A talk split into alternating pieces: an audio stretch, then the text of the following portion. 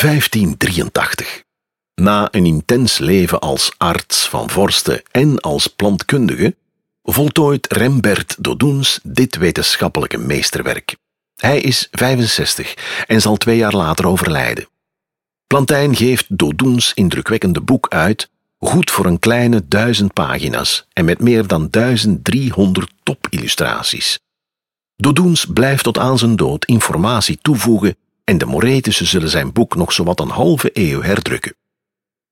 Voor de afbeeldingen van planten en kruiden recycleert Plantijn houtblokken die hij al heeft gebruikt. Toch blijven dit erg dure boeken, zeker als de illustraties ingekleurd zijn. Met de hand. Plantijn haalt er de beste kunstenaars van zijn tijd bij om die illustraties te maken. En dat loont.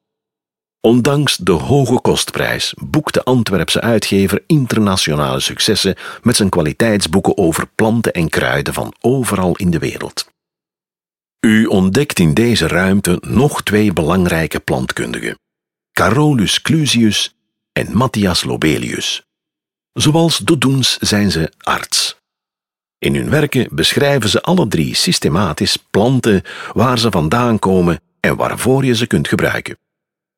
Clusius trekt op plantenexpeditie door Europa en laat prachtige afbeeldingen maken. Lobelius verfijnt de indeling, de klassificatie van planten.